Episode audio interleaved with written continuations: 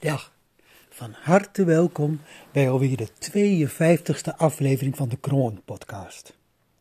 We hebben even een heerlijke vakantie gehad en nu is het weer september. En nu komen de verhalen weer. En het is mede omdat, en we hopen niet dat het gebeurt, maar mede omdat mogelijk er weer een nieuwe oploping van de corona aan gaat komen. En dan, dan heb je gewoon even een verhaal met een glimlach nodig. Even een andere blik op de wereld. Even een andere aandachtspunt. En daarom zijn die verhalen. Vandaag, vandaag komt er weer een gevonden verloren verhaal, genaamd Eric. En ik wens u ongelooflijk veel luisterplezier.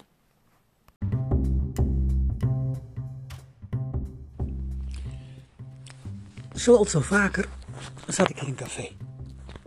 Op een ochtend. Waarschijnlijk, als ik me goed kan herinneren, op een maandagochtend zelfs. Het rustigste moment om in een café te zitten. Er zijn weinig mensen en je kunt dan heerlijk schrijven in het café. Het enige wat je hoort is het geroezemoes van buiten van wat verkeren, wat mensen die langslopen. En misschien een paar andere mensen die juist omdat het zo stil in het café is aan de andere kant van de gelachkamer gaan zitten. En die geluiden, net buiten mijn bereik, ga ik maar even zeggen, die vond ik altijd heel stimulerend om verhalen te schrijven. En te bedenken en te associëren en op te schrijven, te corrigeren. Ik kon er helemaal wegzakken in mijn eigen fantasie. Dat is te zeggen, als je niet wordt gestoord. Ik kwam mijn man café binnen. En hij ging precies tegenover me zitten. Maar één tafeltje van mij af. En dat was nog geen probleem. Hij kreeg gewoon een kop koffie en ging ook even zijn eigen krant bekijken. Maar toen keek hij omhoog, over mijn hoofd heen. En ik realiseerde dat boven mijn hoofd een tv stond. Aan. Gelukkig zonder geluid. De man keek. Het was zo grappig om te zien. Die man was gewoon een verhaal op zich. Zijn hele lichaam was een en al pantomime waarin hij de reactie weergaf wat hij vond dat daar op, gebeurde, op tv gebeurde. Ik probeerde niet afgeleid te worden en verder te schrijven aan mijn verhaal. Maar toen richtte hij het op mij. Belachelijk, vindt u ook niet? Ik wist gewoon even niks te zeggen. Ik had geen flauw waar het over had. Hé, hey, daarboven. Heb je dat volgt het nieuws niet eigenlijk niet? Nou, als ik aan het schrijven ben, nee, dan volg ik niet het nieuws. En tot mijn grote verbazing kwam de man ongevraagd bij mij aan tafeltje zitten. Het is toch onvoorstelbaar, zei hij. Weet je wie er boven staat? In het nieuws, op de tv. Ik schudde mijn hoofd en probeerde de woorden te, te bedenken die ik in de, in de mond zou leggen van mijn hoofdpersoon in mijn verhaal. Dat is een president. Dat is een president van het grootste land van de wereld. Oh ja, in ieder geval het machtigste land van de wereld. En wat hij er allemaal uitkraamt, ik kan er gewoon niet bij. Hij zegt dingen, dat geloof je gewoon niet. Het spreekt er zo met onkunde uit van alles en een gebrek aan kennis aan alles wat er buiten dat land gebeurt. Ja, ik heb het natuurlijk over Amerika. Dat vermoedde ik al vaak. Vaag. Ik haalde mijn schouders op en ik had de indruk dat de man dat beschouwde als een soort met afwijzing van zijn opmerking. Dus hij droog zich naar mij over en zei tegen ja, en ik kan het weten. Ik heb daar geweest, ik ben daar geweest, ik heb daar gewerkt, ik heb daar jaren in Amerika gewerkt en ik zal je vertellen, het is onvoorstelbaar. Ik heb gewerkt in zo'n summercamp.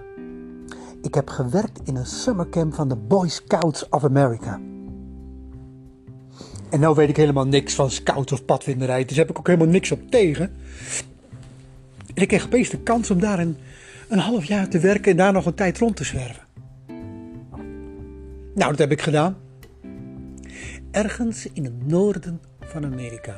Niet ver van de Canadese grens. Daar kwam ik terecht. En het was onvoorstelbaar. En, en, weet je, het begon bij de introductie er vlak voor. In New York moesten wij echt als een enorme grote groep Europeanen die overal over heel Amerika verspreid zou werken als staf, counselor noemden ze dat, van de summercamps, moesten wij horen hoe de Amerikaanse cultuur in elkaar zat. Nou, dat kregen we nauwelijks te horen. Het was meer dat, omdat er ook een aantal uh, Amerikaanse potentiële stafleden aanwezig waren, dat zij werden al werden voorgelicht. En hoe? Ja, zeiden ze. Die Europeanen zijn een beetje vreemd. Weet u, ze praten Engels niet helemaal correct en, en, en ze scheren ook nog hun okselhaar. En waar niet meer.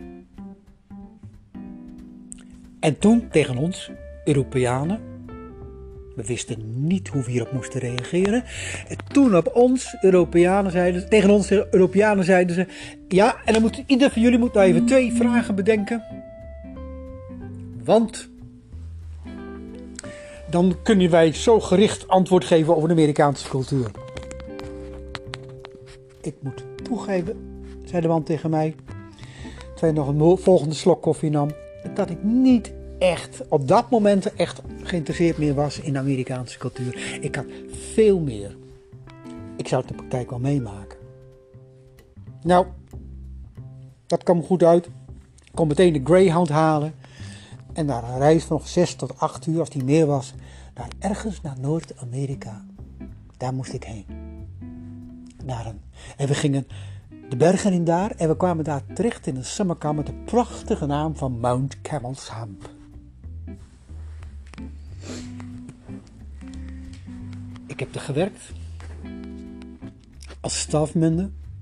Ik kreeg een prachtige titel als Master of Ceremony. Leuk hè? Voor een Europeaan, een Nederlander, die Master of, of Ceremony wordt. Vooral BSA, dus Boy Scout ceremonies, waar hij niets van wist.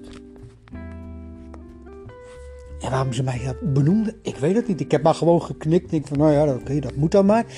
En, en eerlijk gezegd, het begon al, het was prachtig. Het was op een vrijdagavond. En alle kinderen kwamen op een, of pardon, neem me niet kwalijk. Alle scouts kwamen op een vrijdagavond.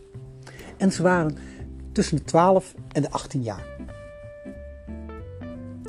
En om er een beetje los te weken van huis, want de meeste kinderen vonden dat, ook al waren het ouderen, vonden dat best wel eng. Ze werden ook vaak gedropt door hun ouders.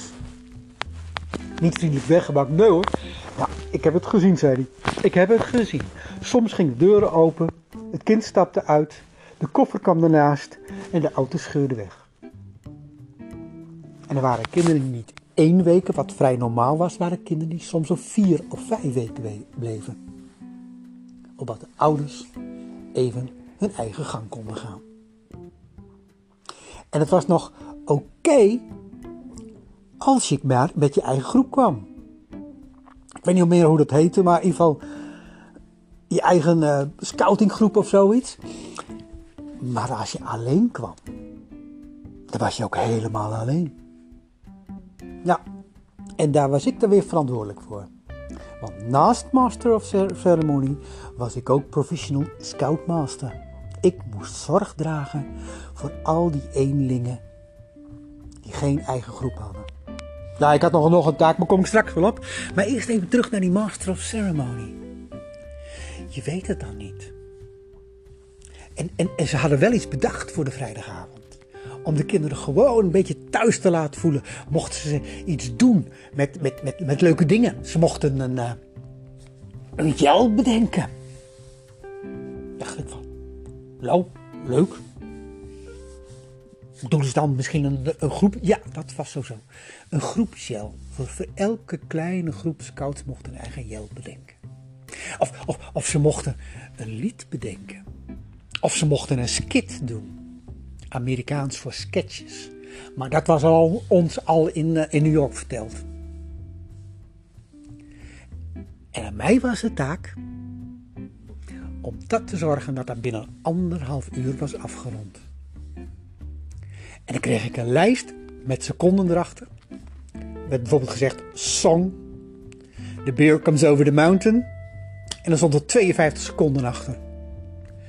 Vraag mij niet hoe, dat, hoe ik daaraan kwam.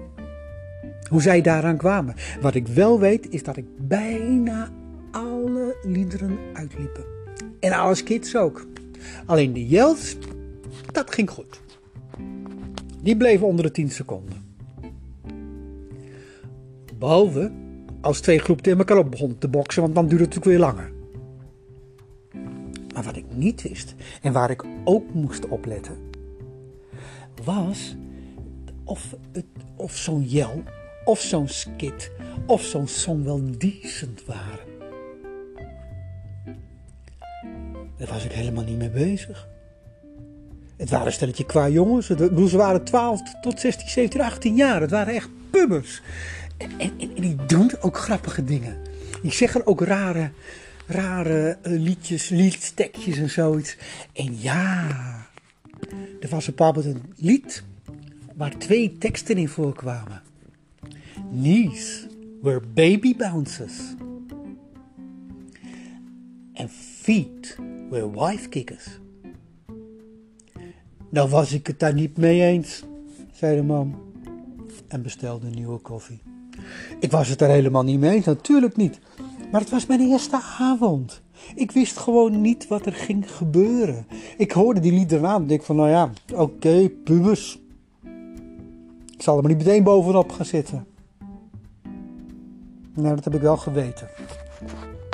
Ik kreeg behoorlijk op mijn donder dat ik het niet had gecorrigeerd in de correcte, decent way of communication. The decent attitude. Ja. Vreemd, vreemd kampement was dat. Met hele strakke dingen. Weet je, ik zou nog hele verhalen kunnen houden. Over wat ze deden tegen sexual harassment. Oh ja, ik zal een voorbeeld nemen. Gelooft u het zelf? Wij kregen elke dinsdagochtend kregen wij uh, instructie om sexual harassment te voorkomen. En het was zo Amerikaans. En daar bedoel ik mee, het was allemaal incident gestuurd. Als, als ik een verhaal vertellen wist, zou ik dit allemaal aan hem vertellen. Daar kon er een mooi boek over maken. Of een voorstelling. Ik zei niks. Ik denk, laat die man lekker maar. Ik luisterde. Maar het lukte me toch niet meer op mijn eigen verhaal te concentreren. En ik was wel benieuwd hoe deze Amerikanen in dat kamp instructie gaven of seksuele intimidatie, sexual harassment. Zou het soms op het MeToo-bewegen afvallen letteren zijn? Nou, zei die man, twee instructies vielen mij vooral op. Ach, de meeste waren ook wel heel normaal. Is van, je moet het uiteraard geen seksueel getinte opmerkingen maken. Eh, allemaal dat soort dingen. Maar, twee waren heel specifiek. Zal ik één noemen? Wat doet u als u s'avonds naar bed gaat? Ik heb een bluft aan. Uh, nou, ik denk uh, slapen. Dat lijkt me een heel normale plek. Ja, precies. En daarom, zei de man, daarom kregen wij ook instructie dat het verboden was. Om een jonge jongen in je bed uit te nodigen om je rug te masseren. Uh, Oké, zei ik. Ja, zei de man, ik was er zelf nooit opgekomen ook. Precies zoals u, ik heb dezelfde reactie. Maar ik denk dat het ooit een keer is voorgekomen. En dat ze daarom zo'n instructie hebben bedacht. En ik, oh, ik weet nog veel, veel mooiere. Ik weet nog veel mooiere. Een andere was. Oh ja, hoe was het ook weer? Oh ja, het was met de douche. Als je onder de douche staat, en je moet even weten dat het natuurlijk uiteraard was echt een kampement van waarbij elke groep een eigen uh, ja, groepje tenten had, ergens in het bos, om die, om die berg Camels heen. dat ze uiteraard samen moesten komen als ze naar de douche wilden. En dat was één grote ruimte. Oké. Maar de regel. En de regel was, en die kregen we elke dinsdag te horen. Als je onder de douche staat. Want ja, wij moesten ook een keer onder de douche staan volwassenen. Als je onder de douche staat, doe het dan op het moment dat de kans klein is dat kinderen ook onder de douche moeten. Leek me heel verstandig. Maar als er wel een kind binnenkwam om zich te douchen en u staat onder de douche, dan komt hij, dan dient u zich direct en zonder voorbehoud, zonder zelfs uw zeep af te spoelen, de ruimte te verlaten. Dan vraag ik u, meneer. Kan het nog belachelijker? Dan sta je er buiten. En. In je blootje. Vol met zeep.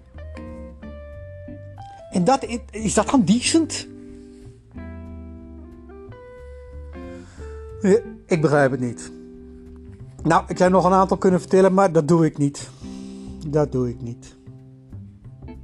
Dat doe ik niet. Hé. Hey. En hij draaide zich om naar de barman. Geef me maar even een piketanessie. En even later dronk hij in alle rust zijn eerste slok uit het kleine glaasje. Weet u, eh, ik, ik, ik, zou echt uren over Camels Ham kunnen vertellen. Maar dat doe ik niet. Nee, dat doe ik helemaal niet. Nee, ik wil je graag vertellen. Vanwege hem. En wees naar de tv boven waar weer de president nog steeds stond te oreren. Gelukkig, zonder dat ik het hoorde. Deze man weet gewoon niks. Hij weet nauwelijks hoe zijn eigen land in elkaar zit en laat staan hoe de wereld in elkaar zit. En dat is niet alleen hij. Ik denk dat het bijna vooral die lui opgaat. Ik heb, ik heb jonge jongens ontmoet. Ik zal u vertellen. Ik zei het al. Ik was provisional scoutmaster. Moest dus die eenzame kinderen opvangen. Ik was master of ceremony. Ik moest ja, allemaal ceremonies leiden waar ik het uh, gewoon de zin en de procedure niet voor snapte. En ik was verantwoordelijk voor de counselors in training. Dat betekende, dat waren jonge jongens van 14 of 15 jaar die als potentie hadden dat ze ooit misschien counselor konden worden. De staflid van zo'n kamp. En misschien zelfs scoutmaster, hopman. U kent het woord wel. Ik leunde achterover en vroeg me, dacht bij mezelf, zal ik nou nog een koffie nemen? Of zal ik maar ook maar aan de piketanische beginnen? Want voorlopig kom ik niet aan schrijven toe. Ik stak een hand op en besloot maar voor alle zekerheid een rooibos thee te bestellen. Ja, zei die man. Mijn, mijn, mijn werk als, die, uh, als uh, hoe heet dat? Als, als leidinggevende voor de counselors in training. Dat betekent, ik moest zelf, ik, ik als Nederlander die niets van, van of boy scouts weet, die toevallig daar is terechtgekomen voor een baan van een half jaar. Alleen maar omdat ik de kans kreeg dan om door Amerika te trekken moest opeens potentiële stafmembers van de Boy Scouts of America opleiden. Ja, het was sowieso heel grappig, want ze moesten sowieso de meest gekke dingen opleiden. Want dat was ook, ook een, uh, de kampen voor al die kinderen. Moesten continu korte cursusjes doen, workshop, noem maar wilt. En dan kregen ze een merit badge. Of weet ik wat, ze moesten de skills leren. En ze moesten, is geen kussen, dan kregen ze weer een hoger. Ik, ik, ik weet alle woorden al niet eens meer. Het is te lang voor mij geleden. Maar ik moest niet die cursus begeleiden. Nee, ik moest die counselor in training begeleiden. Ja, ja zeker. Maar ja, vroeg ik toen aan mijn kampdirecteur. Maar waarin dan? Nou, dat was geen probleem. Had daar een boekje en dat waren precies de dingen.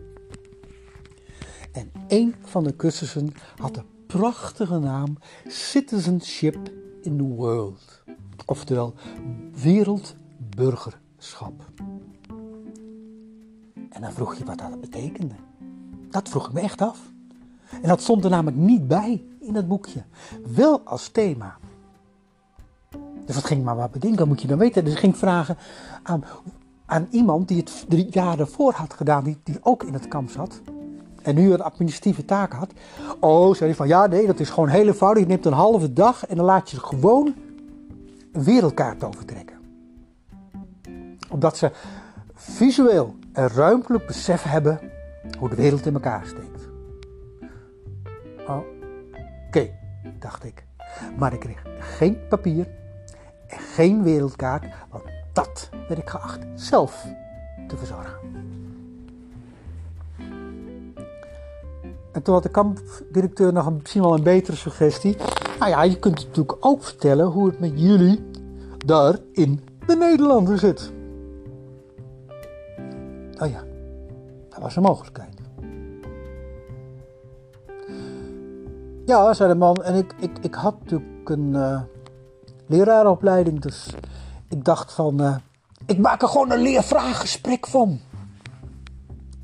Dus ik weet nog dat ik me tussen die groep gezien, het waren een stuk of 12 of 16 van die jonge jongens.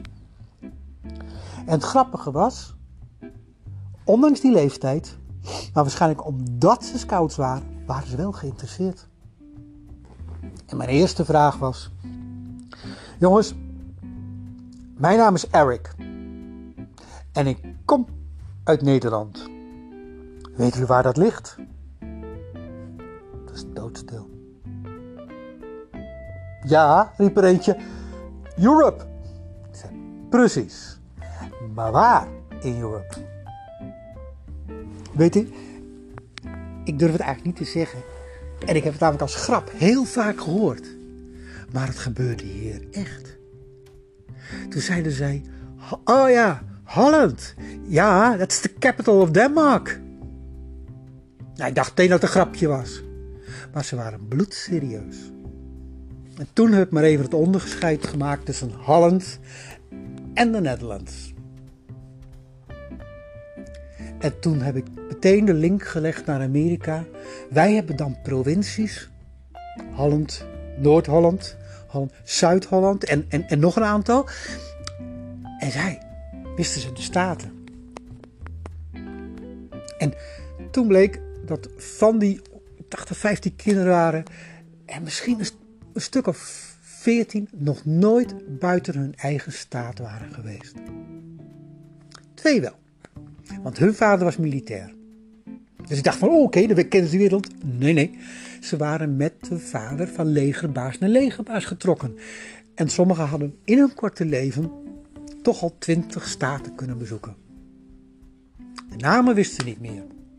De namen van de legerbasis ook niet. Maar ze vonden zichzelf heel wereldwijs. En toen kon ik het niet laten. Ik zei, als we kijken naar deze staatkast, gaan we kijken. En dat was Vermont. Als we naar deze staat kijken, weten jullie welke, wat er ligt voorbij de grenzen van Vermont? Nou, dat was moeilijk. Hoewel bijna alle kinderen uit Vermont kwamen, kon bijna niemand zeggen wat de beurtstaten was. Waarom? Maar misschien nog wel erger, wat het land was, wat er boven lag. Canada? vroeg ik. Weet je eens wat waar Canada ligt? De held schudde het hoofd. Nee. En de rest wees een willekeurige richting op. Daar ergens. En toen zei ik, zei de man, terwijl hij nog een slok van zijn Pictanissie nam. Toen zei ik van nou, dat is het voordeel als je in Nederland woont, in de Netherlands. Want waar is een klein land juist groot, is dat het ongelooflijk veel buitenland heeft. Dus willen we iets van de wereld weten, daar stappen wij vooral snel voorbij Nederland. We gaan bijvoorbeeld naar Amerika, zoals ik. En leer wat over jullie. En ik kan jullie wat leren over de wereld. Beginnend in Nederland. Wat zou je willen weten? Nou, zei één jongen. Oh, zijn jullie democratisch? Uh, ja, zei ik, dat klopt. Wij zijn democratisch. Maar hoe? Ik zei, we hebben een koningin. En toen begon ze allemaal te lachen. Oh nee hoor, als je een koningin hebt, dan ben je een dictatuur. Toen wou ik nog voorzichtig iets zeggen over parlementaire democratie. Maar dat was te complex voor deze jongens.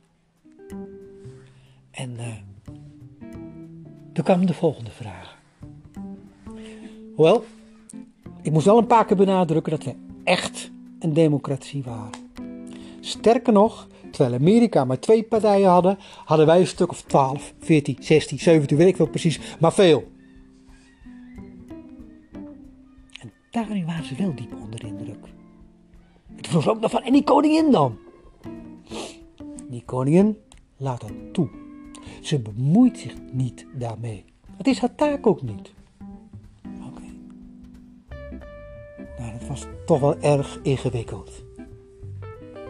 En toen kwam die hele bijzondere vraag. Zeg, wat willen jullie nog meer weten over Nederland? Nou, zei jongen. Hebben jullie tv's? De man tegenover aan het andere tafeltje zuchtte. Of wij de tv's hebben. En wat is dat dan? Die wees naar boven mij. Natuurlijk hebben we tv's. En dat zei ik ook. Ja, we hebben tv's. Nou, er was toch wel groezemoes omheen. En, en zei iemand van... Jullie hebben toch geen huizen? Echt waar. Echt waar, meneer. Dat is een verhaal waard. Daar zou een goede schrijver over moeten schrijven. Dat zou die president moeten weten. Dat zijn eigen bevolking, die eigen jongen, niet eens weten dat ze in Europa huizen hebben. Ja, dat was niet alleen dat. Ze kwamen ook nog met vragen als van... Maar jullie hebben toch geen auto's? Jullie hebben toch geen wegen? Jullie hebben toch geen steden? Geen fabrieken? En het bleef maar doorgaan. Er was gewoon geen houden meer aan. En ik wist gewoon niet, zei de man, ik wist gewoon niet waar ik aan moest beginnen om iets te vertellen over het leven in Nederland. Ja. En toen kon ik het niet laten. Eerst zei ik dat wij niet het enige land waren in Europa wat huizen, tv's, wegen, auto's, fabrieken, fietsen enzovoort hadden dat alle landen in Europa dat hadden, dat bijna alle landen in de wereld dat hadden. Maar dat Nederland wel heel bijzonder was. En er kwamen al die kopjes naar mij toe. Bijzonder, meneer? Bijzonder, zei ik toen. Ja. We hebben namelijk geen vogels. En dat meteen geloofd. Waarop iemand wel zei, de slimste, maar waarom dan niet? nou, weet je, we zijn een heel klein land. En daar, uh, daar wil je gewoon dingen gewoon goed regelen. En in Nederland is bijna alles heel goed geregeld. Dus wat vogels betreft hebben we de afspraak gemaakt. Wil je als vogel in Nederland komen, heb je een paspoort nodig. En wie geen paspoort heeft, komt er niet in. Nou, ik kan je verzekeren, er zijn heel weinig vogels die een paspoort hebben. En toen knikten 15 counselors in training. 15 potentiële leidinggevende binnen de Boy Scouts of America. Bijzonder. Maar het moet wel maar zijn wat Erik vertelt. Het moet wel waar zijn wat hij vertelt. Ja, zei ik toen. Tuurlijk is het waar. Dit is Nederland.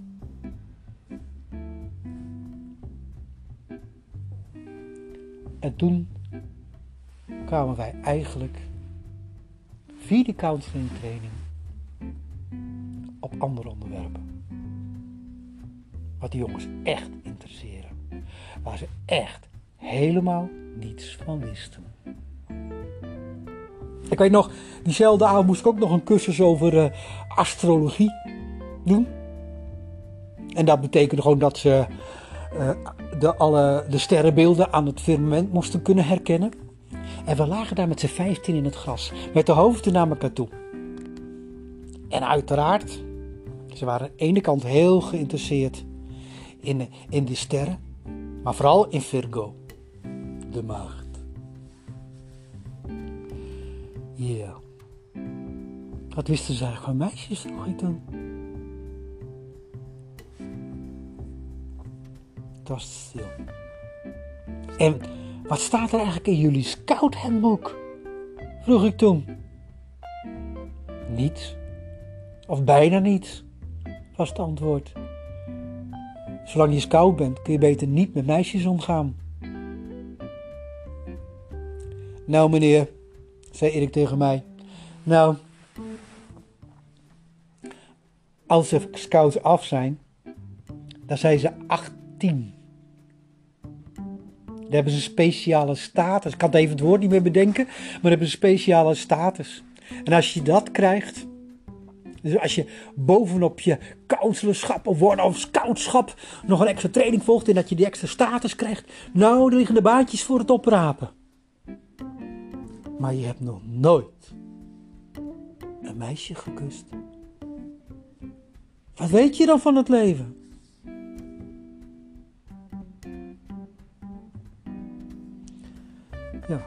Wat weet je dan van het leven? En dan ben ik toch blij dat ik in Nederland woon, zei ik toen. Zo, zei Erik. Ik ook. Want eigenlijk gezegd heb ik het eigenlijk opgegeven. Wat moet je nou aan scouts vertellen? In een half jaar. Je moet totaal bij het begin beginnen. En weet u, en dan wees we naar de tv, en weet u, als ik hem hoor, die man op tv, dan heb ik altijd het gevoel dat hij nooit verder is gekomen dan counselor in training bij de BSA. Ik heb hem niet ontmoet. Ik heb hem niet kunnen vertellen over de wereld. Ik ben bang dat hij nog steeds zo ontzettend weinig weet.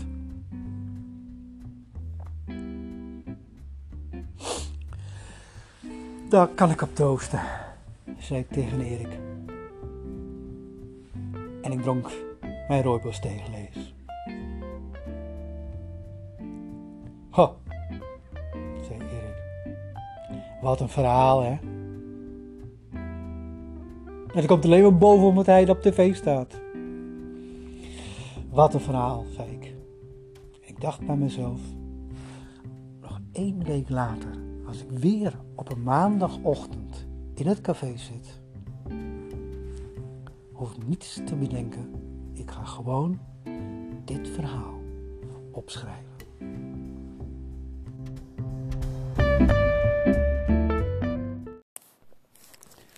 Dit was het verhaal van Eric. Een van mijn gevonden en verloren verhalen. En dat zijn eigenlijk ja, bijzondere ontmoetingen met mensen die je één keer tegenkomt en nooit weer ziet, maar dat ik wel indruk maken op jou als je ze ontmoet. Maar ik heb niet alleen gevonden een verloren verhaal en er zijn veel meer. En ik hoop weer dat vanaf dit najaar steeds weer minimaal één keer per week er een verhaal bij komt. En ik hoop dat u veel luisterplezier hebt. Maar ik wil ook attent maken op een andere podcast. de NZR Academie. En de reden daarvoor is dat ik daarin ook verhalen gebruik. Maar eigenlijk nog meer het narratieve, het verhalend vermogen van mensen. En dat is een podcast gericht op allemaal mensen die professioneel met mensen werken, als docenten, coaches, trainers uh, en ga maar door. Mediators ook. En waar ik hen vertel, of laat kennis maken, beter gezegd, met hoe je met verhalen en het narratieve vermogen van mensen kunt helpen om met hun eigen vraagstukken om te gaan. Vooral omtrent verandering en koping. Ik uh, ga eens kijken. De NZR Academie podcast. Je kunt hem overal vinden. En uh, oh ja, 3 december, 3 december 2020 komt er weer een introductie in de NZR-methode. Dus hoe je verhalen kunt werken voor mensen in verandering en met vraagstukken. Welkom.